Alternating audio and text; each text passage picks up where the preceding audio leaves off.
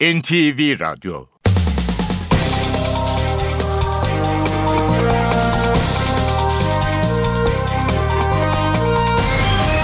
İşe Giderken Mutlu sabahlar. Ben Aynur Altunkaş. Bugün 15 Kasım Cuma. Saat 9'a kadar Türkiye ve dünya gündemine yakından bakacağız. Ayrıntılara geçmeden önce başlıklarla başlayalım. Milli Eğitim Bakanı Nabi Avcı 2016 yılında bütün dershanelerin özel okula dönüşeceğini açıkladı. Başbakan Yardımcısı Bülent Arınç, Başbakan Erdoğan'a öğrenci evleri tartışması ile ilgili siteminin ardından ilk kez konuştu. Küs olduğum kimse yok diyen Arınç, aktif siyaseti bırakacağı sinyalini de verdi. Yeşil Kod adlı Mahmut Yıldırım ve PKK itirafçısı Abdülkadir Aygan'ın da yargılandığı JITEM davasında ifade veren emekli albay Arif Doğan, JITEM'in şu anda bile 10 bin elemanı var dedi. Çalışma ve Sosyal Güvenlik Bakanı Faruk Çelik, kıdem tazminatı konusunda yargıya ihtiyaç duyulmayacak yeni bir yapı oluşturmak istediklerini söyledi. Filipinler tayfun felaketinin yaralarını sarmaya çalışıyor. Binlerce kişi toplu mezarlara gömülüyor. Bölgede yiyecek sıkıntısı var. Muğla'nın Bodrum ilçesi bir hafta içinde ikinci kez su altında. Şiddetli yağış nedeniyle yollar göle döndü, araçlar yolda kaldı. Bazı ev ve iş yerlerinin giriş katını su bastı. A futbol takımı bu akşam özel maçta Kuzey İrlanda ile karşılaşacak. Adana'daki maç saat 21'de başlayacak. Adana valisi Hüseyin Avni Coş dün akşam milli takım teknik direktörü Fatih Terim ve Futbol Federasyonu Başkanı Yıldırım Demirören'i ziyaret etti. İşe giderken gazetelerin gündemi.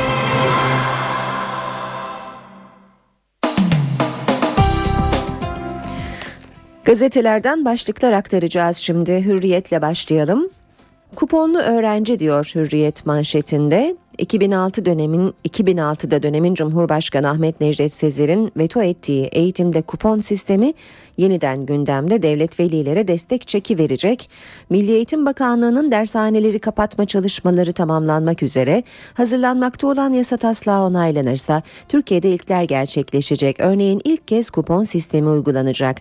Yani dershaneden özel okula dönüşenlerin kontenjanında açık kalırsa o kadar öğrencinin velisine eğitim çekleri verilecek. Çocuğun okul parası devletçe karşılanacak. Dönüşüme baktı bir diğer başlık Hürriyet gazetesinde. Başbakan Tayyip Erdoğan dün bir yapının çatısında Kuzey Ankara kentsel dönüşüm projesini inceledi. Ee, söz konusu incelemeden bir fotoğrafta yer alıyor. Bu arada dördüncü torun Ali Tahir geldi. Başbakan Erdoğan dördüncü kez dede oldu. Oğlu Bilal'in ikinci çocuğuna Ali Tahir adı verildi. Başbakan Ankara'daki programını yarıda keserek 3 kilo 210 gram doğan Ali Tahir'i İstanbul'da hastanede ziyaret etti. Pek çok gazetede gördüğümüz bir fotoğraf Hürriyet'te de var. Gül şaşırdı başlığıyla vermiş Hürriyet haberi. Fiji Cumhuriyeti Büyükelçisi Robin Nair, dün Cumhurbaşkanı Gül'e güven mektubunu takdim ettikten sonra ilginç bir selamlama hareketi yaşandı. Nair'in tanıttığı başkatip Emosi Rakai, Gül'le tokalaşmasının ardından diz çökerek iki defa el çırptı. Baka Kobo Kobo adı verilen hareketin devlet başkanlarına gösterilen saygı göstergesi olduğu öğrenildi. Gül selamlamayı şaşkınlıkla izlerken bir yandan da gülümsedi. Bu kez Vaşak öldürüldü. Diyarbakır'da öldürülen Leopard'dan sonra Burdur Altınyaylı'da karayolu kenarında av tüfeğiyle vurularak öldürülmüş bir Vaşak bulundu. Vaşaklar da nesli tükenme tehlikesiyle karşı karşıya olduğu için koruma altında. Geçelim Milliyet gazetesine. Milliyet'in manşeti bomba yüklü klon alarmı. Plakaları kopyalanmış 25 çalıntı kamyonet buhar oldu. İstanbul'dan çalınıp aynı plakalar takılan kamyonetler Hatay'da izlerini kaybettirdi. Aynı dönemde Suriye'deki bir depodan 1200 ton TNT çalındı. Yine bir başlık milliyetten İmralı kapısı aralanıyor. Hükümet çözüm sürecinin ilerlemesi için yeni adımlar atıyor. Bu kapsamda Abdullah Öcalan'ın avukatlarıyla yeniden görüşmesi ve uluslararası gözlemci gruplarının e, sürece dahil edilmesi sağlanacak. Akil insanlar heyetleri ve sivil toplum kuruluşları temsilcilerinin yanı sıra gazeteciler de Öcalan'la görüştürülecek. Bu konuda tüm gazetelerin genel yayın yönetmenlerinin birlikte adaya gitmesi görüşünün benimsendiği belirtiliyor. Milliyetten aktarmaya devam edelim. Vize parası insanlık suçu. Ekonomi Bakanı Zafer Çağlayan açıklama yapmış. Toplam 70 ülkeye 178 yurt dışı seyahatim gerçekleşmiş. Türk halkı Avrupa Birliği'ne vize için 100 milyon euronun üzerinde para ödedi. Vize insanlık suçu. Çözüm süreci teşvikleri patlattı. 8 yaşında çalışmaya başladım. Berberlik hariç bütün işleri yaptım. Çağlayan'ın milliyete özel açıklamalarını görüyoruz gazetede. Dershanelerin kapatılması gündemde dün Zaman Gazetesi manşetten duyurmuştu. Milli Eğitim Bakanı abi Avcı'nın açıklamalarını birazdan biz de ayrıntılı olarak vereceğiz. Sabah gazetesinde de haberi görüyoruz manşette dershaneler için kara propaganda başlığıyla. Eğitime büyük darbe, eğitimde sıkı yönetim dönemi gibi haberler üzerine Milli Eğitim Bakanlığı'ndan yalanlama geldi. Alenen yalan ve kışkırtıcı kampanya, özel okula dönüşecek dershanelerden mali imkanı yetersiz olanlara arsa tahsisi ve kredi aktarım yapılacak. Devlet özel okula dönüştürülecek kurumların boş kalan kontenjanlarına başarılı ama yoksul öğrencileri gönderecek. Öğretmeni e, iş diyor e, yine sabah. Dershanelerde görev yaparken işsiz kalan öğrenciler öğretmenler Milli Eğitim Bakanlığı'na bağlı okullarda görevlendirilecek. Devam ediyoruz. Yine Sabah gazetesinden aktarmaya barış iklimi bozulmasın. Erdoğan Barzani görüşmesiyle dünyaya Türk-Kürt sorunu yok mesajı verilecek. Başbakan Erdoğan'la Irak-Kürt bölgesel yönetimi lideri Mesut Barzani'nin yarın Diyarbakır'da yapacağı görüşmede Türk-Kürt sorunu yok, sorun PYD mesajı verilecek. Bölgedeki barış havasının devam ettirilmesi gerektiği vurgulanacak. Süreç Şivan Perver'in 37 yıl sonra Türkiye'ye dönmesiyle de desteklenmiş olacak diyor. Sabah gazetesi. Erdoğan'la her çatışan gidiyor başlığı Cumhuriyet'in manşetinde dava arkadaşları ile yaşadığı kriz arınca siyaseti bırakma kararı aldırdı deniyor. Öğrenci evleri konusunda Başbakan Erdoğan'la çağ düşürdüğü Başbakan Yardımcısı ve Hükümet Sözcüsü Bülent Arınç kimseye küs olmadığını ama aktif siyaseti bırakacağını açıkladı. Uzun yıllardır siyasetin içinde olduğunu ifade eden Arınç, yorulduğunu yenilenmek ve dinlenmek istediğini söyledi. Kulislerde Arınç'ın açıklaması Erdoğan'a bir buçuk yıl kaldı kavgasız bitirelim mesajı olarak değerlendiriliyor demiş Cumhuriyet gazetesi manşetinde duyurduğu haberde. Star'la devam edelim. Hedef kaliteli ve daha eşit eğitim. Dershaneler özel okula dönüşürken teşvik verilecek. Dershanelerin yeni teşvik yasasıyla tedricen özel okula dönüşeceğini açıklayan Milli Eğitim Bakanlığı, süreçte kimsenin mağdur edilmeyeceğini vurguladı. Düzenleme eğitimde eşitliği ve kaliteyi yükseltmeyi hedefliyor. Başbakan yardımcısı Bülent Arınç'ın kimseyle küs değilim sözü yine Star gazetesinde bir başlıkta gözümüze çarpıyor. Hepimizin çocukluğunda vardır zaman zaman küstüğümüz oluyor siyasi çevrede küstüğünüz biri var mı diye soruyor bir gazeteci Arınç. Bak bak şu yaramaza bak diye cevap veriyor. İçine bir çocuk ekledi hap gibi bir şey yaptı. Beni çocuklarla ilgili diye aldattınız ama neyse çocukların hatrına şu anda yok. Zaman gazetesiyle devam edelim. Böyle bir yasa darbe döneminde bile uygulanamadı diyor Zaman Gazetesi. Dünkü haberine devam ediyor. Eğitimde darbe planına tepki büyüyor denmiş haberde. Milli Eğitim Bakanlığı'nın dershaneleri ve etüt merkezlerini kapatma hazırlığı kamuoyunda büyük tartışma başlattı. Böyle bir teşebbüs 12 Eylül darbesinden sonra da gündeme gelmiş. Kenan Evren yönetiminin çıkardığı dershaneleri kapatan yasayı bir yıl, bir yıl sonra Turgut Özal yürürlüğe girmeden kaldırmıştı. 28 Şubat'ta da birçok dershaneye üst üste müfettişler gönderilmiş ama kapatma amaçlı kanun hazırlanmamıştı diyor Zaman Gazetesi. Dershane taslağı reform değil geri gidiş başlığını da görüyoruz. Eğitimin devlet eliyle yapılması ve özel teşebbüse yer verilmemesi dünyada örneği neredeyse kalmayan bir uygulama. Kapalı ve demokratik olmayan rejimlerde görülen eğitimde devlet tekeli çağdaş ülkelerde tamamen terk edildi. Eğitim kalitesini arttırmak ve eğitimde fırsat eşitsizliğinin önüne geçmek için pek çok ülke özel eğitimi teşvik ediyor diyor Zaman Gazetesi. Japonya'da 10 milyon öğrencinin Juku denilen bu dershanelere devam ettiği bilgisine de yer veriyor. Radikal gazetesine bakalım. Radikal'de manşet Washington'dan açık mesajlar.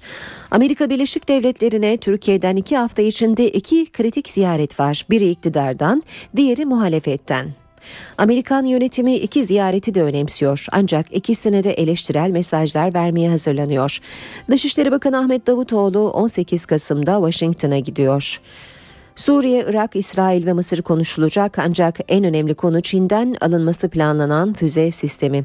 Amerikan kaynakları Türkiye'nin ticari kaygılarını anlıyoruz ancak NATO'nun stratejik ve siyasi kaygıları daha önemli. NATO müttefikinde Çin füzesi olmaz mesajını vereceğiz diyor. Diğer yandan CHP lideri Kılıçdaroğlu da ay sonunda Amerika'ya gidiyor. Amerikalılar üst düzey karşılama yapmayacak. CHP heyeti asıl olarak kongre ve düşünce kuruluşlarıyla bir araya gelecek. Aynı kaynaklar CHP'nin kürecik muhalefetine, Amerikan karşıtı söylemlerine, Kürt sorununa bakışına dikkat çekerek destek bulmadan çok ön yargıları yıkma ziyareti olarak bakıyor. Haber Türkiye bakalım. Esrarengiz 20 kilo diyor Habertürk manşette. Kriminale giden uyuşturucu dolu araçla yola çıkan hakim ve savcı kurye şüphelisi oldu. Van Başkale'de görevli hakimle savcının aracı Malatya'da kaza yaptı. Aranan araçta uyuşturucu çıktı. Hakim ve savcı kriminale 56 kilo uyuşturucu götürüyoruz diyerek olayı açıkladı ama yük tartıda 76 kilo çıktı. Savcılık da bunlar görevli değil deyince hakimle savcı kuryelikle suçlandı. Müfettiş 20 kilo fazla için uyuşturucu değil dedi. Hakimler ve Savcılar Yüksek Kurulu ikna oldu. Dosya kapandı. Maratonda koşmak yasak diyor Habertürk gazetesi. Ulaştırma Bakanı Yıldırım açıkladı. Hafta sonu yapılacak Avrasya Maratonu'nda köprüde koşulmayacak, yürünecek. Yeni Şafak gazetesine de bakalım. Sür manşet, taslakta ceza yok. Milli Eğitim Bakanlığı özel okula dönüşmeyen dershanelere sıkı yönetim uygulamaları getirileceği ve para cezası verileceği iddialarının alenen yalan ve kışkırtıcı olduğunu açıkladı. Az önce de aktardık bir başka gazeteden haberi. Yeni Şafak'ın manşeti ise kaygı boş çıktı. Kamuoyu araştırma şirketi Anar, öğrenci evi tartışmasıyla yeniden gündeme gelen özel hayata müdahale ve ayrımcılık tartışmasını vatandaşa sordu. Halkın %94,4'ü özel hayata müdahale olduğuna inanmıyor demiş Yeni Şafak haberinde. Saat 7.19 NTV Radyo'da işe giderken de gündemin ayrıntılarına bakmaya başlayalım. Milli Eğitim Bakanı Nabi Avcı 2016 yılında bütün dershanelerin özel okula dönüşeceğini açıkladı. NTV'nin sorularını yanıtlayan Bakan Avcı, Haziran'da dershanelerin kapanacağını ve özel okula dönüşmeleri için 2 yıl süre tanınacağını söyledi. Dershaneler bu süre zarfında ise açık lise olarak eğitim verebilecek. Bakan Avcı, dershanelerde çalışan öğretmenlerin durumuna da açıklık getirdi. 2014 yılı itibariyle dershanelerin en az %70'inin özel okula dönüştürülmesinin hedeflendiğini göreceksiniz. İnşallah e, önümüzdeki e, haftalarda diyelim e, bunlar e, meclis gündemine gelir diye ümit ediyorum. Milli Eğitim Bakanı Nabi Avcı uzun süredir tartışılan dershanelerle ilgili düzenlemenin ayrıntılarını açıkladı. NTV'nin sorularını yanıtlayan Bakan Avcı, 2016 itibariyle bütün dershanelerin özel okula dönüşeceğini söyledi. Bir kısmı diyor ki biz şu halimizle özel okula dönüşemeyebiliriz, dönüşemeyiz. Ama bize gerekli destek sağlanırsa, teşvikler sağlanırsa biz de özel okula e, dönüşmek isteriz. Nedir o teşvikler? Arsa teşviği olabilir, bina teşvikleri olabilir, altyapı teşvikleri olabilir, kredi kolaylıkları olabilir. 2014 itibariyle başlayacak 2 yıllık geçiş sürecinde dershanelere açık lise olma imkanı da sağlanacak. Mevcut yapılarıyla bugünden yarına özel okula dönüşme imkanı olmayanlara da diyoruz ki haftada belli bir süre yüz yüze eğitim yapmak koşuluyla siz de açık lise sitesinde çalışabilirsiniz. Peki dershanelerdeki öğretmenlerin durumu ne olacak? 4000'e yakın dershane var. Bu aşağı yukarı 50 bin küsur derslik demektir. Biz bu derslikleri bu yöntemle milli eğitim sistemimize örgün eğitim halinde entegre edebilirsek o zaman daha çok öğretmeni istihdam etme şansımız olacak demektir. Belli yeterlilikleri sahip olanlar milli eğitimin sistemine entegre edilebilecekler. Nabi Avcı düzenlemenin dil, KPSS, sürücü kursu gibi özel amaçlı eğitimleri kapsamadığını da vurguladı.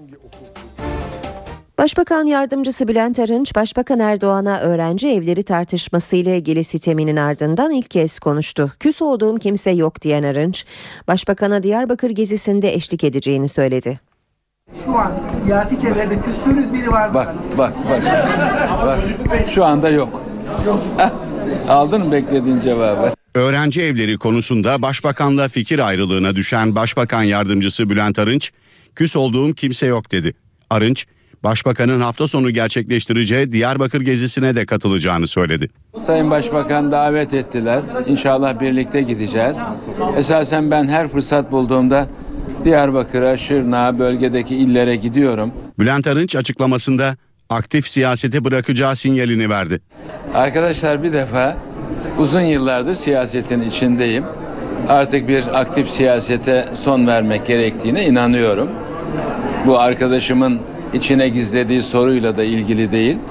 En azından ben 3-4 yıldan bu yana her çıktığım televizyon programında bu üç dönemle ilgili olarak bunu çok olumlu karşıladığımı, esasen benim de aileyle birlikte siyasi aktif harekete bir son vermek gerektiğini kabul ettiğimi söylemiştim. Bu bence çok doğru. Bütün siyasetçiler için de geçerli. CHP Parti Sözcüsü Haluk Koç, Başbakanla Arınç arasında yaşananlara ellerimizi ovuşturarak seviniyor değiliz dedi Koç. Başbakan Erdoğan'ın Mesut Barzani ile yarın Diyarbakır'da yapacağı görüşmeyi de değerlendirdi. Ben Sayın Arınç'a yaşadığı bu siyasi nezaketsizlik, maruz bırakıldığı bu davranış için sabırlar diliyorum. Başbakan Recep Tayyip Erdoğan'la Başbakan Yardımcısı Bülent Arınç arasındaki fikir ayrılığını CHP sözcüsü Haluk Koç bu sözlerle değerlendirdi. Sayın Arınç bu duruma düştü diye ellerimizi ovuşturarak, sevinerek işte birbirlerine girdiler diye böyle bir havalara zıplayacak bir tavır içtenlikle söylüyorum sergilemiyoruz. Koç'un gündeminde bir vatandaşla tartışan Adana valisi Hüseyin Avni Coş da vardı. Koç, Başbakanın Vali Coş için yaptığı valimizi yedirmeyiz açıklamasını hatırlattı. Başbakanın vecizesini şu şekilde tercüme etmek gerekiyor. Beni yedirmeyeni ben de yedirmem arkadaş. Bu işgüzar, yaranmaya çalışan, komedi malzemesi haline düşen valiler valilik tanımı, görev tanımına yakışmıyorlar. Haluk Koç, Erdoğan'ın Mesut Barzani ile Diyarbakır'da buluşacak olmasını da değerlendirdi. Sayın Barzani'nin konumu, Suriye politikası, hükümetin değişen Irak politikası bütün bunlar hep iç içe bağlantılı. Umarım sürece iç siyaset boyutunda farklı tartışmalar getirerek bir seçim öncesinde ucuz başbakan hesaplarına kurban edilmeyen bir süreç olur. Avrupa'daki temaslarını sürdüren BDP eş başkanı Selahattin Demirtaş, Erdoğan Barzani buluşmasına ilişkin yeni açıklamalar yaptı. Demirtaş, Barzani'nin ziyaretinin çözüm sürecine katkı sunacağını umduğunu söyledi. Ahmet e, Sayın Barzani'nin evidir. Bir Kürt liderin, Kürdistan Bölge Başkanı'nın e, Diyarbakır Ahmet'i ziyareti tabii ki önemlidir. Biz bu ziyaretin hem Kürtler arası birliğe hem de Türkiye'de tıkanmayla yüz yüze kalan çözüm sürecine katkı sunmasını arzuluyoruz.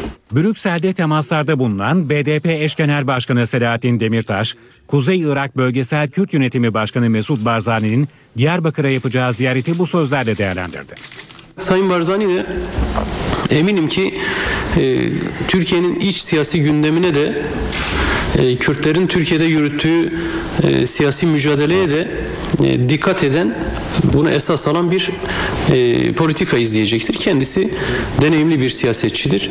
Ucuz politikalara e, alet olmayacak kadar da e, deneyime sahiptir diye düşünüyoruz. Demirtaş, Suriye'deki Kürtlerin özellik ilan ettiği iddialarına da değindi. E, Bu Suriye'nin birliğine e, aykırı bir durum da değil. E, ismi üstünde geçici bir yönetimdir. E, bu yönetimin nasıl şekilleneceği e, Suriye'nin e, geleceği netleşince herhalde daha e, sağlıklı bir şekilde tartışılacaktır. Selahattin Demirtaş, Avrupa Birliği'ne PKK'yı terör örgütleri listesinden çıkarması çağrısında da bulundu. Başbakan Tayyip Erdoğan'ın yarın Diyarbakır'a yapacağı ziyaret öncesi kentte hummalı bir hazırlık var. Diyarbakır valisi Cahit Kıraç yeterli güvenlik önlemlerinin alındığını açıkladı. Kentte 37 yıl sonra Türkiye'ye dönecek olan Şivan Perver'le İbrahim Tatlıses'in düet yapacağı yer de belli oldu. Diyarbakır hafta sonu Başbakan Recep Tayyip Erdoğan'ın yapacağı ziyarete kilitlendi. Irak Bölgesel Kürt Yönetimi Başkanı Mesut Barzani ve Kürt sanatçı Şivan Perver'in de kente gelecek olması ziyareti farklı bir boyuta taşıdı. E, sevgi dolu bu kültür şehrini iyi bir şekilde e, Sayın Başbakanımıza ve diğer misafirlerimize sunmak için büyük bir gayret içerisindeyiz. Yeterli güvenlik önlemini alıyoruz. Diyarbakırlılar için ziyaretin anlamı büyük. Barzani'nin gelmesi çok çok iyi gelmesi. Mutlaka çözüm süreciyle ilgili bir takım görüşmeler de olacak burada. Mutlaka olacak başbakanla. E inşallah iyi şeyler olur. Ee, Başbakan Tayyip Erdoğan'ın Diyarbakır ziyaret etmesi Diyarbakır için bir lütuf. Silahsızlanma sürecinde umarım iyi mesajlar verilir. Farklı düşünenler de var. Sayın Başbakan bir paket açıkladı. Hani böyle bir paketten sonra Barzani'nin buraya gelmesi siyasi bir malzeme olur. Ziyaret araçlardan yapılan Türkçe, Kürtçe ve Zazaca anonslarla duyuruluyor. Sokaklarda iki dilde yazılmış afişleri görmek de mümkün. Başbakanın toplu açılış yapacağı Kantar Kavşağı'nda çalışmalar sona yaklaştı. Başbakanın programında yer alan 360 çiftin toplu nikahının nerede kıyılacağı da belli oldu. 37 yıl sonra Türkiye'ye dönecek olan sanatçı Şivan Perver'le İbrahim Tatlıses'in de düet yapacağı tören Dicle Üniversitesi Spor Salonu'nda yapılacak. Arada Kuzey Irak Bölgesel Kürt Yönetimi Başkanı Mesut Barzani'den Suriye'nin kuzeyinde geçici yönetim ilan eden PYD'ye sert eleştiri geldi. Barzani yaptığı yazılı açıklamada son zamanlarda gerginlik yaşadığı PYD'yi oyun bozanlık yapmakla suçladı. Mesut Barzani, PYD Suriye'nin kuzeyinde devrim yaptığını iddia ediyor. Oysa tek yaptıkları şey rejimin onlara teslim ettiği yerlerde söz sahibi olmak dedi. Suriye'deki Kürtlerin birlikte hareket etmesi için 11 Temmuz 2012'de Erbil Anlaşması çerçevesinde Kürt Yüksek Konseyi kurulduğunu hatırlatan Barzani, PYD'nin bu anlaşmaya bağlı kalmadığını da belirtti. İşe giderken Cumhuriyet Halk Partisi Genel Başkan Yardımcısı Gürsel Tekin, İstanbul Büyükşehir Belediye Başkan adaylığı konusunda partisinde yaşanan rekabetle ilgili iddialı konuştu. Genel Başkan'ın tercih ettiği isim benim dedi. NTV yayınına katılan Tekin, aday olmaması halinde İstanbul'daki ilçe belediyeleri için söz sahibi olacağını söyledi. Kemal Kılıçdaroğlu Cumhuriyet Halk Partisi'ni destekliyor. Sayın Genel Başkanımızın birinci önceliği Cumhuriyet Halk Partisi'nin İstanbul'da nasıl iktidar olabilir bunun mücadelesini veriyor. Eğer bir kişisel tercihe bırakırsanız bunu çok samimi olarak söylüyorum. E, bireysel ve kişisel tercihinde her zaman Gürsel Tekin e, birinci sırada olur. Bunu çok iyi biliyorum. Ama Sayın Genel Başkanımızın tercihi kişisel tercih değildir. Kurumsal bir tercihtir. CHP Genel Başkan Yardımcısı Gürsel Tekin NTV yayınında İstanbul Büyükşehir Belediye Başkanlığı için Mustafa Sarıgül aralarında yaşanan rekabetle ilgili konuştu. Sayın Genel Başkanımızla aramızda bir gerginlik e, mücadelesi uğraşı veren şer odakları var ama e, hepsi nafile. Gürsel Tekin İstanbul'un ilçeleriyle ilgili de iddialı. İstanbul'u karış karış bilen, İstanbul'un meselelerini bilen, İstanbul'un seçmen profilini bilen bir siyasetçi olarak ben herhalde gelinlik kız gibi oturacak değilim orada yani. CHP Genel Başkan Yardımcısı projelerini de anlattı. Birincisi ulaşım, ikincisi mülkiyet sorunu. Uzun süredir İstanbul'da maalesef mülkiyet sorunu çözülemedi. Üçüncüsü bakın biraz önce izledik Filipinler'deki olay felaket. Yani doğal felaketler ne zaman nerede geleceği belli olmaz. Milli Eğitim Bakanı Nabi Avcı 2016 yılında bütün dershanelerin özel okula dönüşeceğini açıkladı. Başbakan Yardımcısı Bülent Arınç, Başbakan Erdoğan'a öğrenci evleri tartışması ile ilgili siteminin ardından ilk kez konuştu. Küs olduğum kimse yok diyen Arınç, aktif siyaseti bırakacağı sinyalini de verdi. Yeşil Kod adlı Mahmut Yıldırım ve PKK itirafçısı Abdülkadir Aygan'ın da yargılandığı JITEM davasında ifade veren emekli albay Arif Doğan, JITEM'in şu anda bile 10 bin elemanı var dedi. Çalışma ve Sosyal Güvenlik Bakanı Faruk Çelik, kıdem tazminatı konusunda yargıya ihtiyaç duyulmayacak yeni bir yapı oluşturmak istediklerini söyledi. Filipinler tayfun felaketinin yaralarını sarmaya çalışıyor. Binlerce kişi toplu mezarlara gömülüyor. Bölgede yiyecek sıkıntısı var. Muğla'nın Bodrum ilçesi bir hafta içinde ikinci kez su altında. Şiddetli yağış nedeniyle yollar göle döndü, araçlar yolda kaldı. Bazı ev ve iş yerlerinin giriş katını su bastı. A futbol takımı bu akşam özel maçta Kuzey İrlanda ile karşılaşacak. Adana'daki maç saat 21'de başlayacak. Adana valisi Hüseyin Avni Coş dün akşam milli takım teknik direktörü Fatih Terim ve Futbol Federasyonu Başkanı Yıldırım Demirören'i ziyaret etti. İşe giderken gazetelerin gündemi.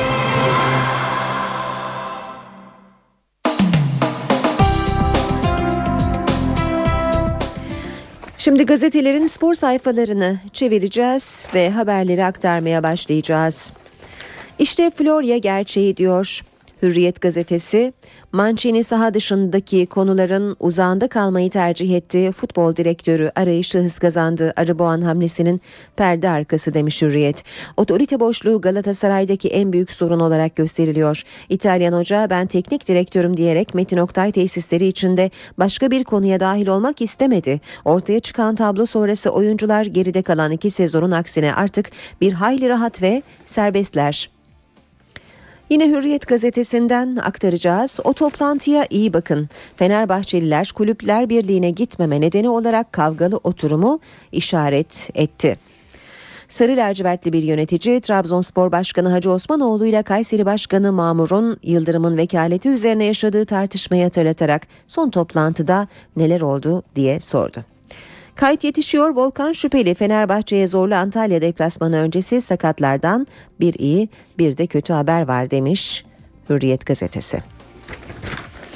Avrupa'yı bu fırtına vurdu. UEFA Avrupa Ligi'nde bu sezon aldığı başarılı sonuçlarla ilk 25 takım arasına adını yazdıran Bordo Maviller müthiş bir çıkış yaparak devleri solladı. Bu sezon Avrupa'da neler yaptılar?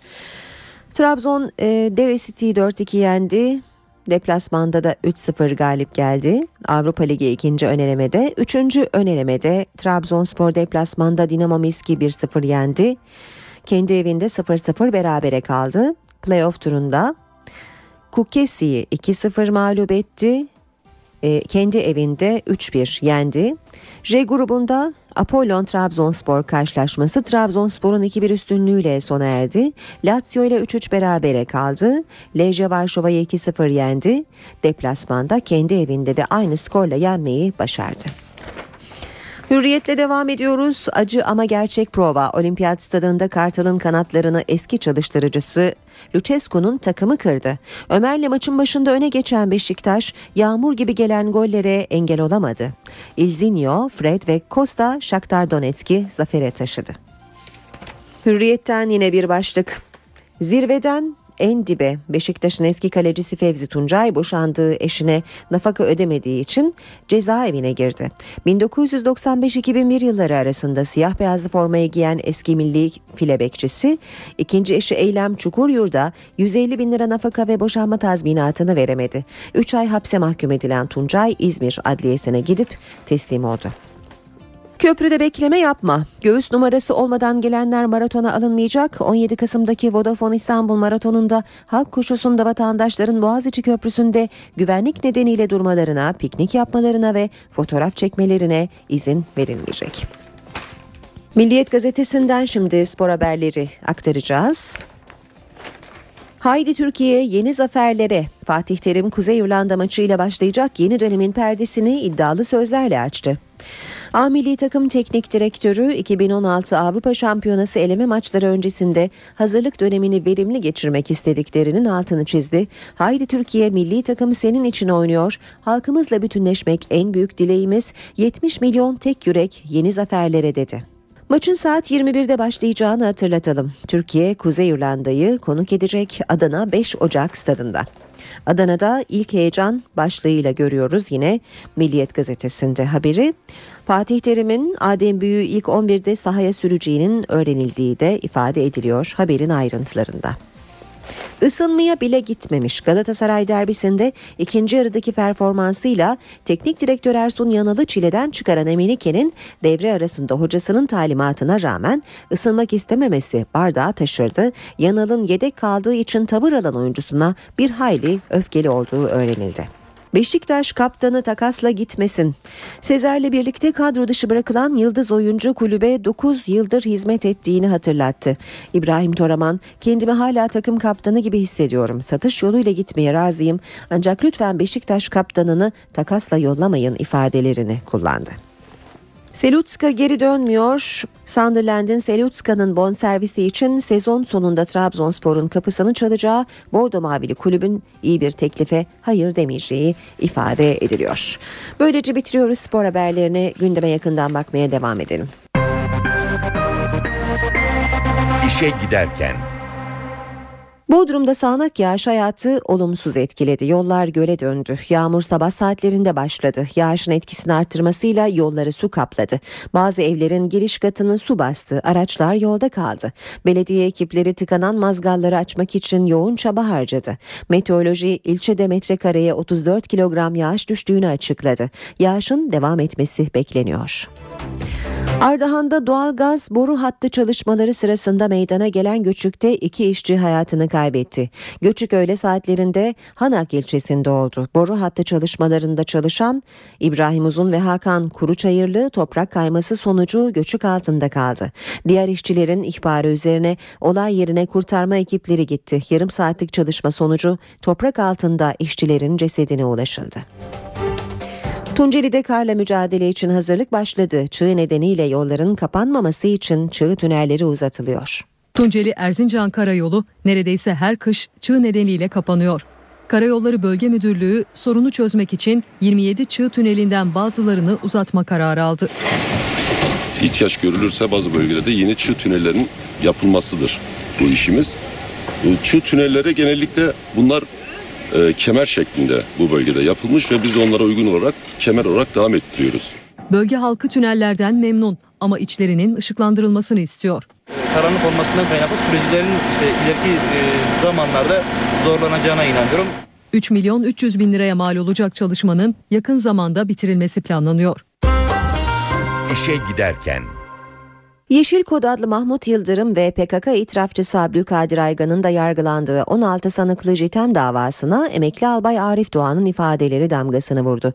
Doğan, JITEM'de şu anda kaç kişinin çalıştığını da açıkladı. JITEM'in şu anda bile 10 bin elemanı var. İfade JITEM davasında tanık olarak dinlenen emekli albay Arif Doğan'a ait. Yeşil Kod adlı Mahmut Yıldırım ve PKK itirafçısı Abdülkadir Agan'ın da yargılandığı 16 sanıklı davanın görülmesine Diyarbakır'da devam edildi. Duruşmaya İstanbul'da talimatla ifadesi alınan emekli albay Arif Doğan'ın anlattıkları damga vurdu. Doğan JITEM'i Jandarma Genel Komutanlığı onayı olmadan kurduğunu söyledi. 10 binden fazla elemanı olan JITEM'de 650 kadın, 20 doktor ve 30 hemşirenin halen görev aldığını iddia etti.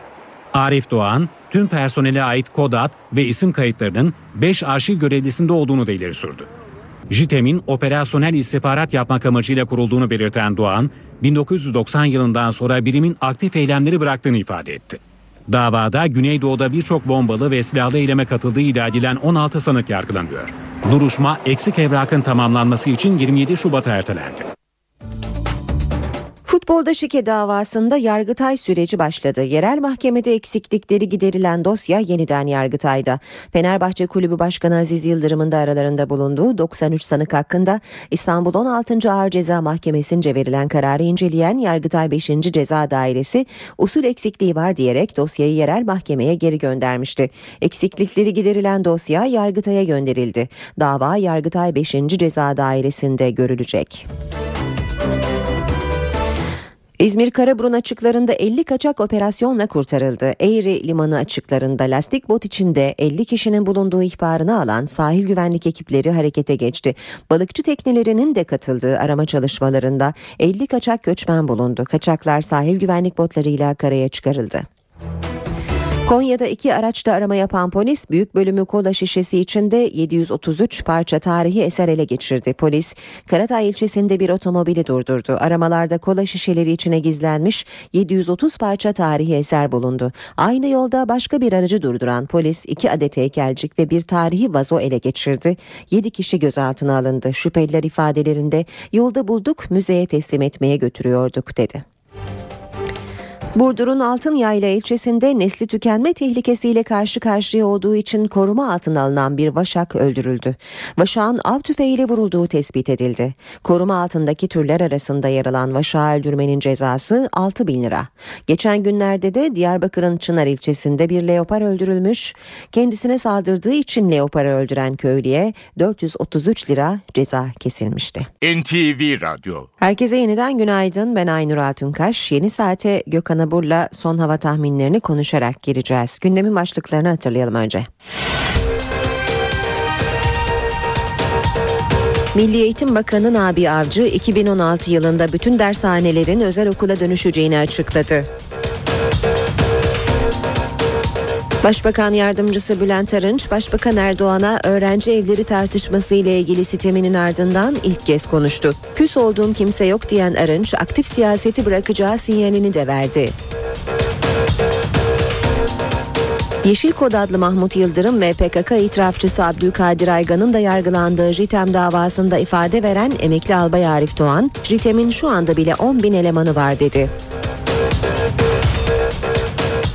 Çalışma ve Sosyal Güvenlik Bakanı Faruk Çelik, kıdem tazminatı konusunda yargıya ihtiyaç duyulmayacak yeni bir yapı oluşturmak istediklerini söyledi. Filipinler tayfun felaketinin yaralarını sarmaya çalışıyor. Binlerce kişi toplu mezarlara gömülüyor. Bölgede yiyecek sıkıntısı var. Muğla'nın Bodrum ilçesi bir hafta içinde ikinci kez su altında. Şiddetli yağış nedeniyle yollar göle döndü, araçlar yolda kaldı. Bazı ev ve iş yerlerinin giriş katını su bastı.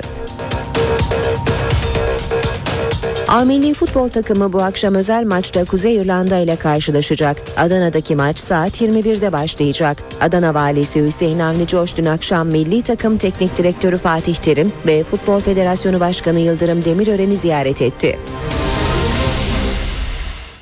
Gökhan Abur stüdyomuzda. Sayın Abur günaydın. Günaydın. Hafta sonu da geldi. Hem bugün hem de hafta sonu için son hava tahminleri nedir? Evet dünkü tahminlerden başlamak istiyorum. Çünkü dün Güney Ege'de kuvvetli yağışlar olabileceğini vurgulamıştık ve hakikaten Marmaris, Bodrum hatta Bodrum'da su baskınlarına sebep olacak düzeyde sağanaklar oluştu. Ve yağışlar şu anda bölgede aralıklarla devam ediyor. Biraz hafiflese de yine Güney Ege'de Batı Akdeniz'de aralıklarla yağışlar var. Bugün için ihbarımız ise Batı Karadeniz, Marmara ve Kuzey Ege'de e, beklediğimiz kuvvetli Poyraz yönlü rüzgar ki şu anda sert zaman zaman da kuvvetli esmeye devam ediyor. Özellikle balıkçılar ve küçük tekneler çok çok dikkatli olmalı. E, Bunlar fırtına boyutlarına hamlesiyle beraber çıkabilecek. Özellikle Çanakkale Boğazı Gökçeada arasındaki bölgede daha kuvvetli esecek olan. Aynı şekilde Kefken açıklarında İnebolu İstanbul Boğazı arasında kuvvetli esmesini beklediğimiz Poyraz yönlü rüzgarlar hafta sonunda etkisini aralıklarla sürdürmeye devam edecek. Poyraz esmeye başladığından beri sıcaklıkları azaltmaya başladı ve bulutlanmayı arttırdı batı bölgelerde. Bugün İstanbul son günlerin en soğuk günlerinden birini yaşayacak. Termometre sıcaklıkları 13 dereceyi gösterse bile sert Poyraz'dan dolayı hissedilen sıcaklık daha da düşük seviyelerde 11-12'lerde olacak. O bakımdan evden çıkmadıysanız biraz sıkı giyinin. Çisenti şeklindeki yağış devam ediyor. Özellikle köprülerde, viyadüklerde araba kullanıyorsanız çok çok dikkatli olun çünkü zemin oldukça kaygan.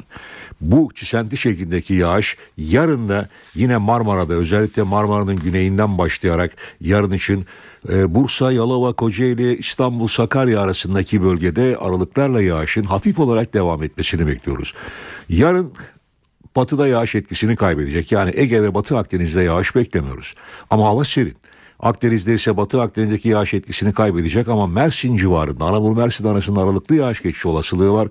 Doğuda ise Hakkari Şırnak arasında hafif yağışlar görülecek.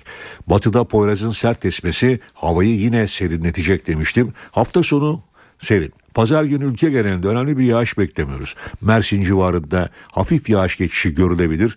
Ülke genelinde yağış yok fakat hava yine batı ve kuzey kesimlerde serin, iç kesimlerde serin olacak. Poyraz'dan dolayı serin bir hafta sonu geçireceğiz. Pazar günü yağış yok ama tekrar vurguluyorum cumartesi günü cumartesi günü Marmara'da ve e, doğuda kısa süreli yağışlar var. Evet hava soğuk dedim ama önümüzdeki hafta özellikle pazartesi öğle saatlerinden itibaren Lodos'a dönmesini beklediğimiz rüzgarla birlikte sıcaklıklar pazartesiden itibaren yeniden batı bölgelerde yükselmeye başlayacak. Özellikle önümüzdeki hafta salı, çarşamba, perşembe günü sıcaklıkların mevsim ortalamalarının 4-5 derece üzerine çıkmasını bekliyoruz Lodos'tan dolayı. Ama tabii Lodos beraberinde yeniden yağış getirecek. Hafta sonuna dikkat edin diyorum. Hava soğuk. Cumartesi yağış var. Pazar günü hava daha açık. Batı bölgeler için. Teşekkürler. Gökhan Avur bizimleydi. İşe giderken gazetelerin gündemi.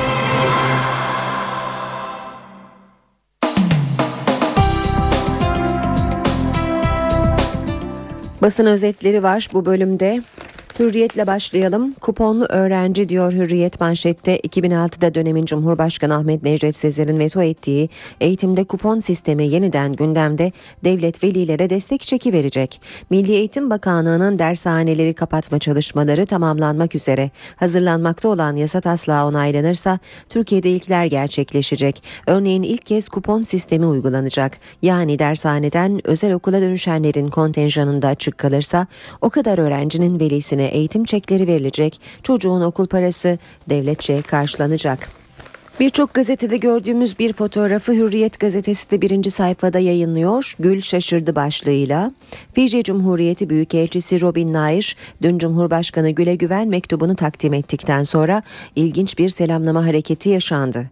Nair'in tanıttığı başkatip Emosi Rakai Gül'le tokalaşmasının ardından diz çökerek iki defa el çırptı. Vaka Kobok Kobo adı verilen hareketin devlet başkanlarına gösterilen saygı ifadesi olduğu öğrenildi. Gül selamlamayı şaşkınlıkla izlerken bir yandan da gülümsedi. Bu kez Vaşak öldürüldü. Diyarbakır'da öldürülen Leopard'dan sonra Burdurant Altın Yayla'da karayolu kenarında av tüfeğiyle vurularak öldürülmüş bir Vaşak bulundu. Vaşaklar da nesli tükenme tehlikesiyle karşı karşıya olduğu için koruma altında. Sabah dershaneler için kara propaganda manşetiyle çıkmış. Eğitime büyük darbe, eğitimde sıkı yönetim dönemi gibi haberlerin üzerine Milli Eğitim Bakanlığı'ndan yalanlama geldi diyor sabah. Alenen yalan ve kışkırtıcı kampanya başlığıyla işte dershane gerçeği diyor. Özel okula dönüşecek dershanelerden mali imkanı yetersiz olanlara arsa tahsisi ve kredi aktarımı yapılacak. Devlet özel okula dönüştürülecek kurumların boş kalan kontenjanlarına başarılı ama yoksul öğrencileri gönderecek. Dershanelerde görev yaparken işsiz kalan öğretmenler Milli Eğitim Bakanlığı'na bağlı okullarda görevlendirilecek. Milliyette manşet bomba yüklü klon alarmı. Plakaları kopyalanmış 25 çalıntı kamyonet buhar oldu. İstanbul'dan çalınıp aynı plakalar takılan kamyonetler Hatay'da izlerini kaybettirdi. Aynı dönemde Suriye'deki bir depodan 1200 ton TNT çalındı. Suriye'de faaliyet gösteren radikal dinci grupların Türkiye'ye dönük olası planlarını mercek altına alan istihbarat birimleri ilginç bilgilere ulaştı. Bu kapsamda İstanbul'da İstanbul'dan çalınan birbirine benzer kamyonetlere aynı plakaların takıldığı ve araçların Ankara, Aksaray, Adana üzerinden Hatay'a götürüldüğü tespit edildi. Kamyonetler bir daha geri dönmedi. İmralı kapısı aralanıyor. Hükümet çözüm sürecinin ilerlemesi için yeni adımlar atıyor. Bu kapsamda Abdullah Öcalan'ın avukatlarıyla yeniden görüşmesi ve uluslararası gözlemci gruplarının sürece dahil edilmesi sağlanacak. Akil insanlar heyetleri ve sivil toplum kuruluşları temsilcilerinin yanı sıra gazeteciler de Öcalan'la görüştürülecek. Bu konuda tüm gazetelerin genel yayın yönetmenlerinin birlikte adaya gitmesi görüşünün benimsendiği belirtiliyor diyor Milliyet gazetesi haberinde. Kuzey Irak gazında söz kesiliyor. Diyarbakır'daki Erdoğan Barzani zirvesinde Kuzey Irak'tan Türkiye'ye petrol getirecek boru hattı ile ilgili tarih üzerinde mutabakata varılacak. Kürt bölgesinden petrol akışının önümüzdeki ay başlaması bekleniyor. Devam ediyoruz basın özetlerine. Zaman gazetesine bakalım. Dünkü haberine devam ediyor Zaman. Eğitime darbe planına tepki büyüyor demiş. Böyle bir yasa darbe döneminde bile uygulanamadı. Milli Eğitim Bakanlığı'nın dershaneleri ve etüt merkezlerini kapatma hazırlığı kamuoyunda büyük tartışma başlattı. Böyle bir teşebbüs 12 Eylül darbesinden sonra da gündeme gelmiş.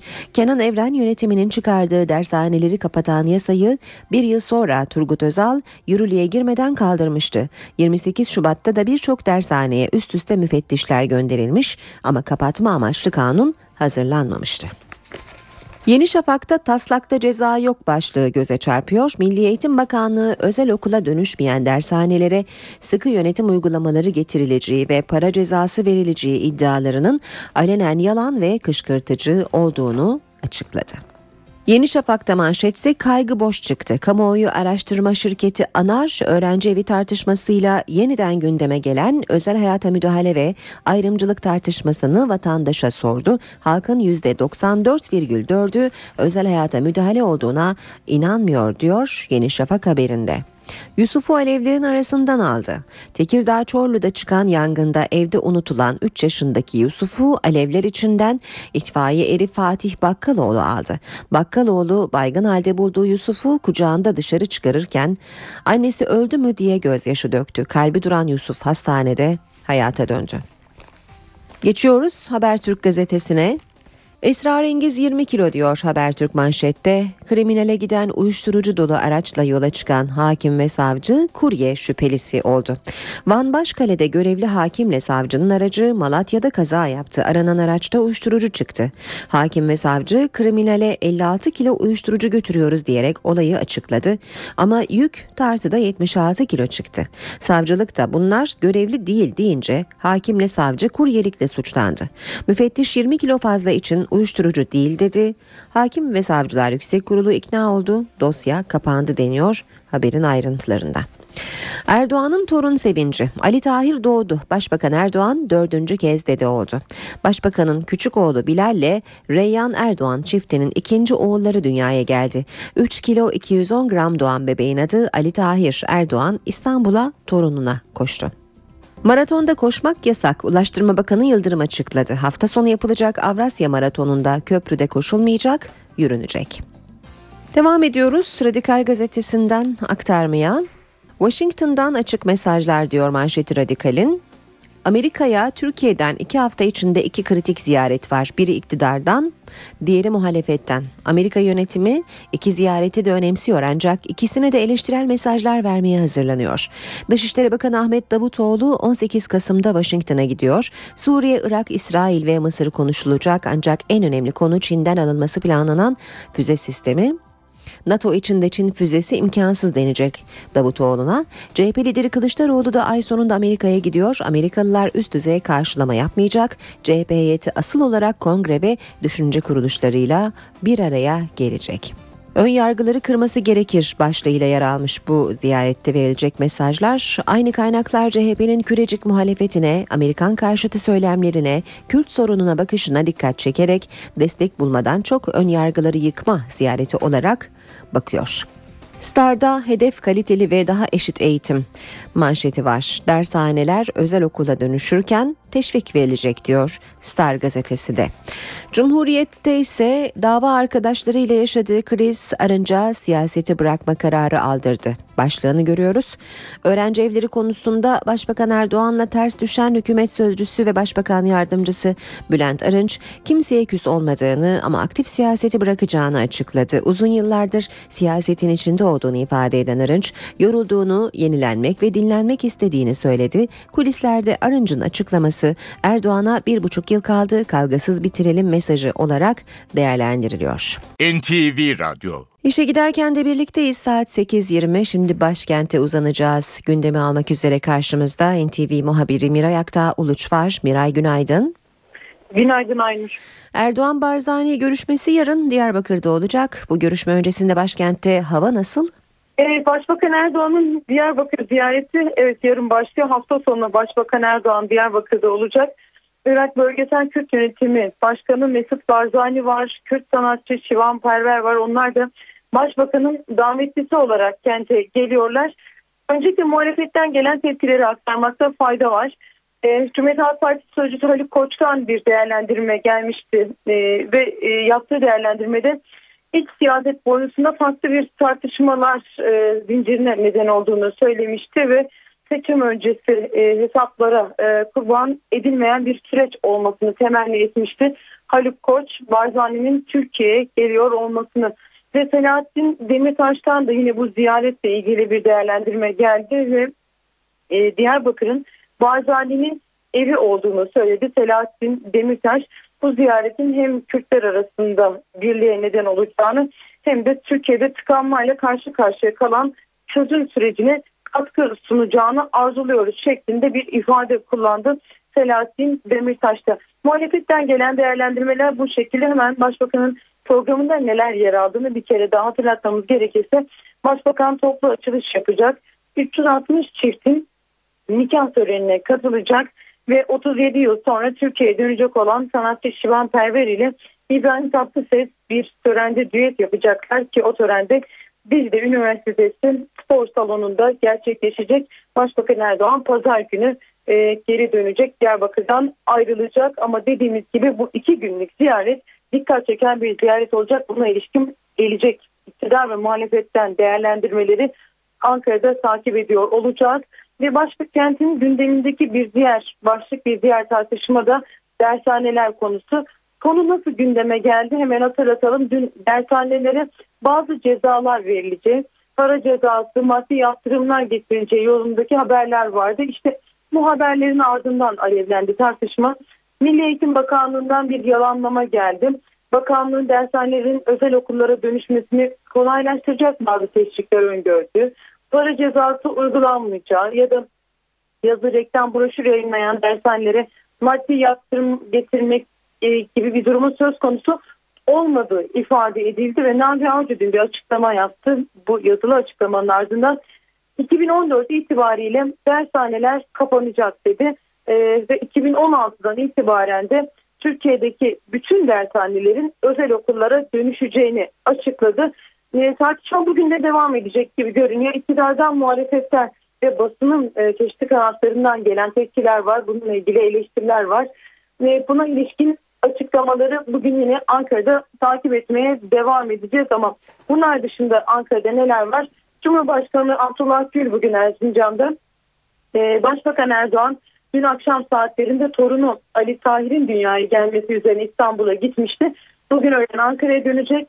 Orman ve Su İşleri Bakanlığı'nın 5 e, milyon üniversite öğrencisi için 5 milyon ağaç dikimi törenine katılacak ve başkentten son notu meclisten aktaralım. Plan bütçe mesaisi devam ediyor. İçişleri ile Gençlik ve Spor Bakanlığı'nın bütçeleri var bugün plan bütçede. Gelecek hafta bugün tamamlanacağını bütçe maratonunun plan bütçe komisyonundaki maratonun bu gün tamamlanacağını bir kez daha hatırlatmış olalım. Miray teşekkürler. Kolay gelsin. İşe giderken Başbakan Tayyip Erdoğan'ın hafta başında ismini açıkladığı torunu dün akşam dünyaya geldi. Başbakan torununu görmek için İstanbul'a geldi. Şimdi bir torunum geliyor, isminin bir tanesi Ali olacak. Başbakan Recep Tayyip Erdoğan torununun adını Muharrem ayı dolayısıyla katıldığı iftarda açıklamıştı. Bilal Erdoğan ve eşi Reyhan Erdoğan'ın oğlu dün akşam saatlerinde dünyaya geldi. Ali Tahir adı verilen bebek 3 kilo 210 gram ağırlığında doğdu. Saat 22.30'da İstanbul'a gelen Başbakan Erdoğan torununu görmek için Bağcılar'daki hastaneye geçti. Başbakan eşi Emine Erdoğan'la birlikte yaklaşık 2 saat hastanede kaldı.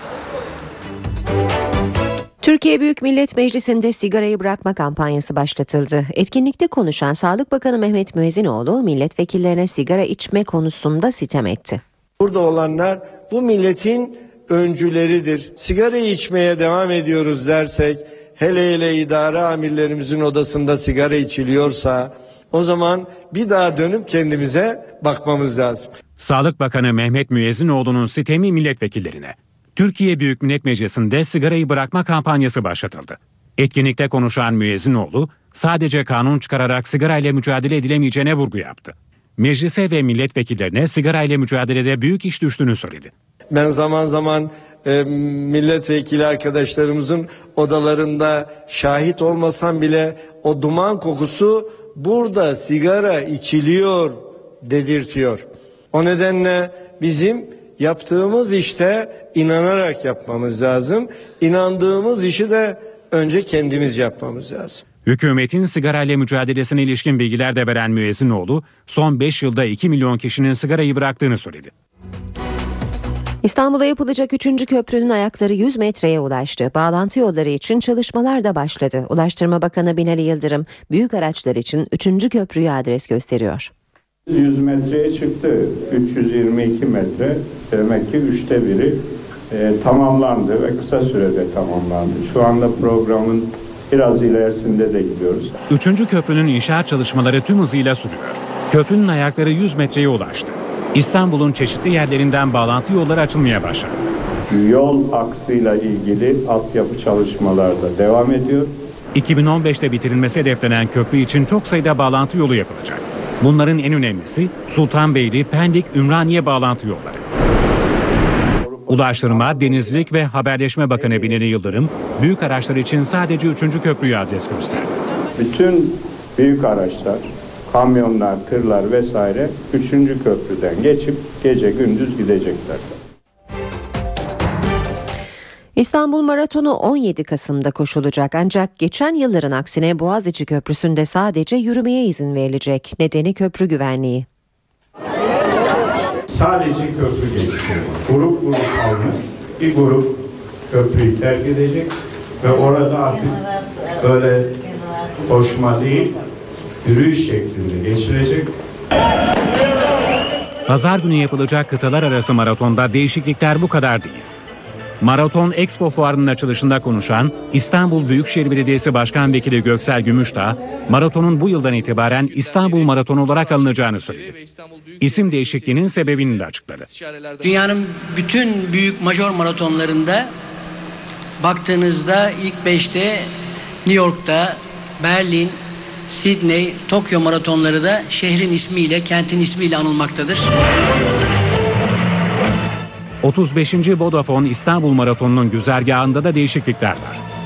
15 kilometreyi şimdi Eminönü'nde Ticaret Üniversitesi'nin önünde bitireceğiz ve bir tek maraton koşucuları Sultanahmet'e çıkacak. 20 bin kişinin katılması beklenen maraton için güvenlik önlemleri de artırıldı. Yarış alanına görevliler ve göğüs numarası olanlar dışında kimse giremeyecek. Avrupa'dan Asya'ya yaya geçişine de izin verilmeyecek.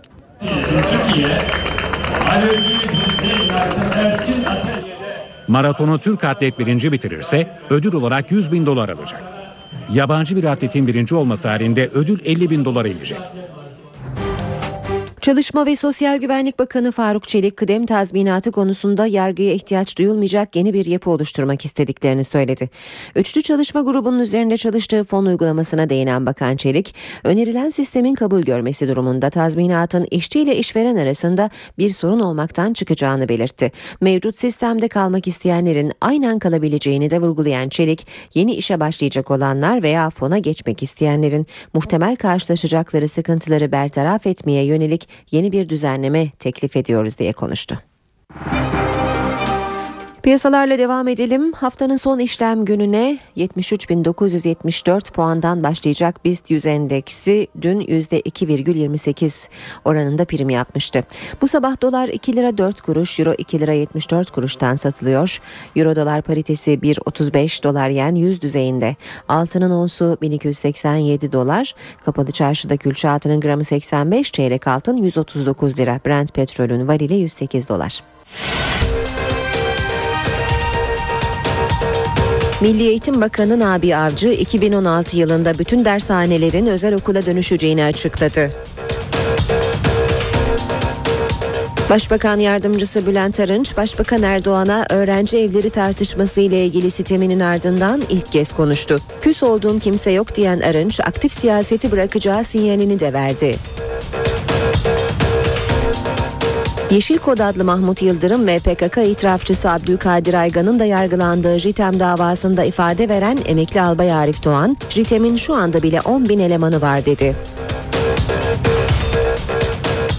Çalışma ve Sosyal Güvenlik Bakanı Faruk Çelik, kıdem tazminatı konusunda yargıya ihtiyaç duyulmayacak yeni bir yapı oluşturmak istediklerini söyledi.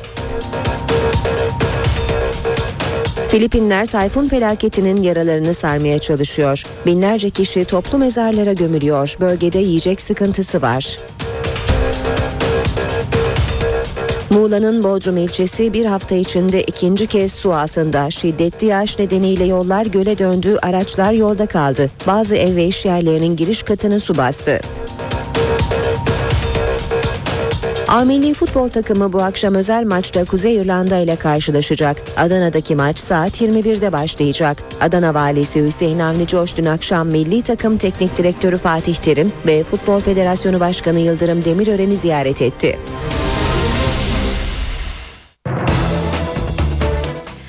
NTV Radyo'da işe giderken de birlikteyiz. Dünyanın gündemine bakacağız biraz da saat 8.40. Tayfun felaketine binlerce can veren Filipinliler yaralarını sermeye çalışıyor. NTV ekibi de orada. Korhan Varol yardım dağıtımının üssü olan başkent Manila'dan izlenimlerini aktarıyor. Filipinlerin başkenti Manila, Haiyan tayfununun vurduğu bölgelere yardımın önemli bir üssü. Filipin Hava Kuvvetleri'nin avlusu deyim yerinde ise yardım çadırına dönmüş durumda. Ormok, Takloban gibi afetin yıkımının fazla olduğu noktalardan gelen afetzedeler bu noktada buluşuyor. Ve burada ülkenin hatta dünyanın dört bir yanından gelen yardım malzemeleriyle işte tam da afetzedeler bu noktada buluşturuyor. Yiyecekler, içecekler, kıyafetler yani gerekli olan ne varsa burada toplanmış görevliler yardımıyla tasdikleri yapılmış ve burada ihtiyaç sahiplerine dağıtılıyorlar. Airbase. Buraya gelenlere yardım ediyoruz. Yakınlarına ulaşmalarını sağlıyoruz. Gidecek yakınları yoksa barınmalarını sağlıyoruz. Askeri havaalanına yardım malzemeleriyle inen uçakların içindekiler buradan felaket yerlerine ulaştırılıyor. Giyecekler, yiyecekler, tıbbi malzemeler, İnsan Yardım Vakfı elemanları.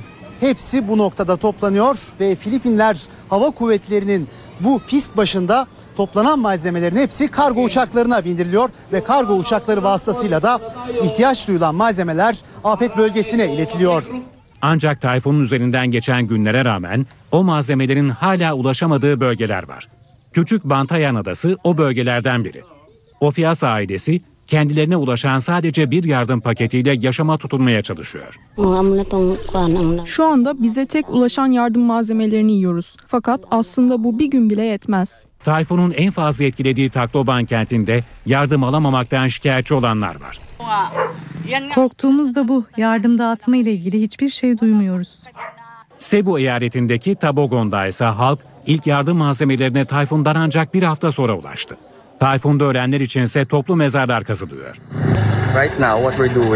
Bunlar geçici mezarlar. İleride kimlik tespitlerinin yapılabilmesi için buraya gömüyoruz. Filipinlere ulaşan Amerikan uçak gemisi George Washington'ın yardım faaliyetlerini hızlandırması bekleniyor. Filipinler'deki tayfun küresel ısınma tartışmalarını yeniden gündeme getirdi. Uzmanlara göre tayfun ve kasırgaların yıkıcı etkisi artacak. Buzulların erimesi ve deniz seviyesinin yükselmesinin de fırtınaların şiddetini artırdığı belirtiliyor. Tayfun ve kasırgalar daha şiddetli olacak. Dünya Meteoroloji Örgütü gelecekte tayfun ve kasırgaların şiddet derecesinin en yüksek seviye olan 5'e kadar yükselme olasılığının bulunduğuna dikkat çekti. Kurum buzulların erimesi ve deniz seviyesinin yükselmesiyle fırtınaların şiddetlendiğini, bunu özellikle Batı Pasifik Okyanusu'nda görmenin mümkün olduğunu belirtti. Kıyı bölgelerinde yaşayanların tayfun ve kasırgalara karşı korunmasız kaldıklarına işaret edildi. Haiyan tayfununun yıkıp geçtiği Filipinler buna örnek olarak gösterildi. Dünya Meteoroloji Örgütü dünyanın daha ağır tahribatlarla karşı karşıya olduğu uyarısını yaptı. Buna göre mega fırtınaların yanında canlı türlerinin tükenmesi, su sıkıntısı, sıcak dalgası, deniz seviyesinin yükselmesi ve hastalıkların yaygınlaşması gibi etkiler görülecek. Haiyan tayfununun şiddetinin herkesi şaşırttığı, bunun alarm zillerinin çalması olarak algılanması gerektiğine vurgu yapıldı. Şiiler Hazreti Muhammed'in torunu Hazreti Hüseyin ve 71 arkadaşının şehit edilişini anıyor. Dün Kerbela'da 2 milyon kişi toplandı. Alınan onca güvenlik önlemine rağmen yine intihar saldırısı düzenlendi. Yine kan aktı. Şii dünyasında yaz vardı. Hazreti Hüseyin ve 71 arkadaşının şehit edilişinin 1374. yılında birçok kentte matem törenleri düzenlendi. Hazreti Hüseyin'in türbesinin bulunduğu Irak'ın Kerbela kentinde 2 milyon kişi toplandı. Başkent Bağdat'ta da binlerce kişi bir araya geldi. 1374 yıl önce meydana gelen olay yeniden canlandırıldı. Alınan yoğun güvenlik önlemlerine rağmen saldırılar durmadı. El-Sadiye kentinde matem töreni sırasında düzenlenen intihar saldırısında en az 35 kişi yaşamını yitirdi, onlarca kişi de yaralandı. İran'ın başkenti Tahran'da da matem törenleri düzenlendi. Lübnan'ın başkenti Beyrut'ta da benzer manzaralar vardı. Törenler için olağanüstü güvenlik önlemleri alındı. Hizbullah lideri Hasan Nasrallah kalabalığa hitaben yaptığı konuşmada Suriye'de ihtiyaç olduğu müddetçe varlıklarını sürdürmeye devam edeceklerini söyledi. Avrupa İnsan Hakları Mahkemesi'nin veri tabanı İngilizce ve Fransızcanın yanı sıra artık Türkçe'de hizmet verecek. Mahkemenin aldığı önemli kararların çoğu Türkçe'ye çevrildi. Bu sayede Türk yargıç ve avukatların mahkeme iştihadını daha iyi anlamaları hedefleniyor. Avrupa İnsan Hakları Mahkemesi'nin veri tabanı artık Türkçe. İngilizce ve Fransızca yayın yapan veri tabanının Türkçe versiyonu Strasbourg'da Adalet Bakanı Sadullah Ergin'in de katıldığı bir törenle hizmete girdi. Böylece Türkçe Avrupa İnsan Hakları Mahkemesi veri tabanında resmi dillerin dışında kullanılan ilk dil olarak tarihe geçti. Adalet Bakanı Ergin, veri tabanının Türkiye'nin savunma reflekslerini değiştireceğini söyledi. Arkasından da Bakan Ergin sadece Türkiye hakkındaki kararların değil, diğer ülkelerle ilgili içtihat değeri taşıyan kararların da Türkçe'ye çevrileceğini ifade etti. olmasını başlattık. Antakya Medeniyet Korosu da Türkçe, Arapça, Fransızca ve İbranice şarkılarla Strasbourg'daki törene renk kattı. Dün Dünya Diyabet Günü'ydü. Uzmanlar diyabetin bir salgın gibi yayıldığını ve hasta sayısının 400 milyona yaklaştığını açıkladı. Dünya diyabete karşı verdiği mücadeleyi kaybediyor. Uluslararası Diyabet Federasyonu hastalığın bir salgın gibi yayıldığı uyarısını yaptı. Buna göre dünya çapında diyabetli sayısı 382 milyona ulaşarak yeni bir rekor kırdı. Ancak hastaların yarısı diyabetli olduğunun farkında bile değil. Diyabetin en yaygın görülen çeşidi tip 2. Vücudun üretilen insülini kullanamadığı tip 2 diyabetin başlıca nedeni ise sağlıksız beslenme, obezite ve hareketsizlik. Diyabet Federasyonu Başkanı her yıl 5 milyon kişinin diyabet nedeniyle hayatını kaybettiğini açıkladı. Bu her 6 saniyede bir bir kişinin diyabetle ilgili bir hastalık nedeniyle öldüğü anlamına geliyor. Hastalığın en yaygın görüldüğü ülke Çin. Çin'de 100 milyon diyabet hastası bulunuyor. 2035'te diyabetli sayısının %55 artarak 600 milyona yükseleceği tahmin ediliyor. Uzmanlar toplumun tüm kesimlerini içine alacak kapsamlı bir stratejiyle insanların daha sağlıklı bir hayat sürmeye teşvik edilmesi gerektiğini belirtiyor. Bu haberle işe giderken sona erdi. Hoşçakalın. NTV Radyo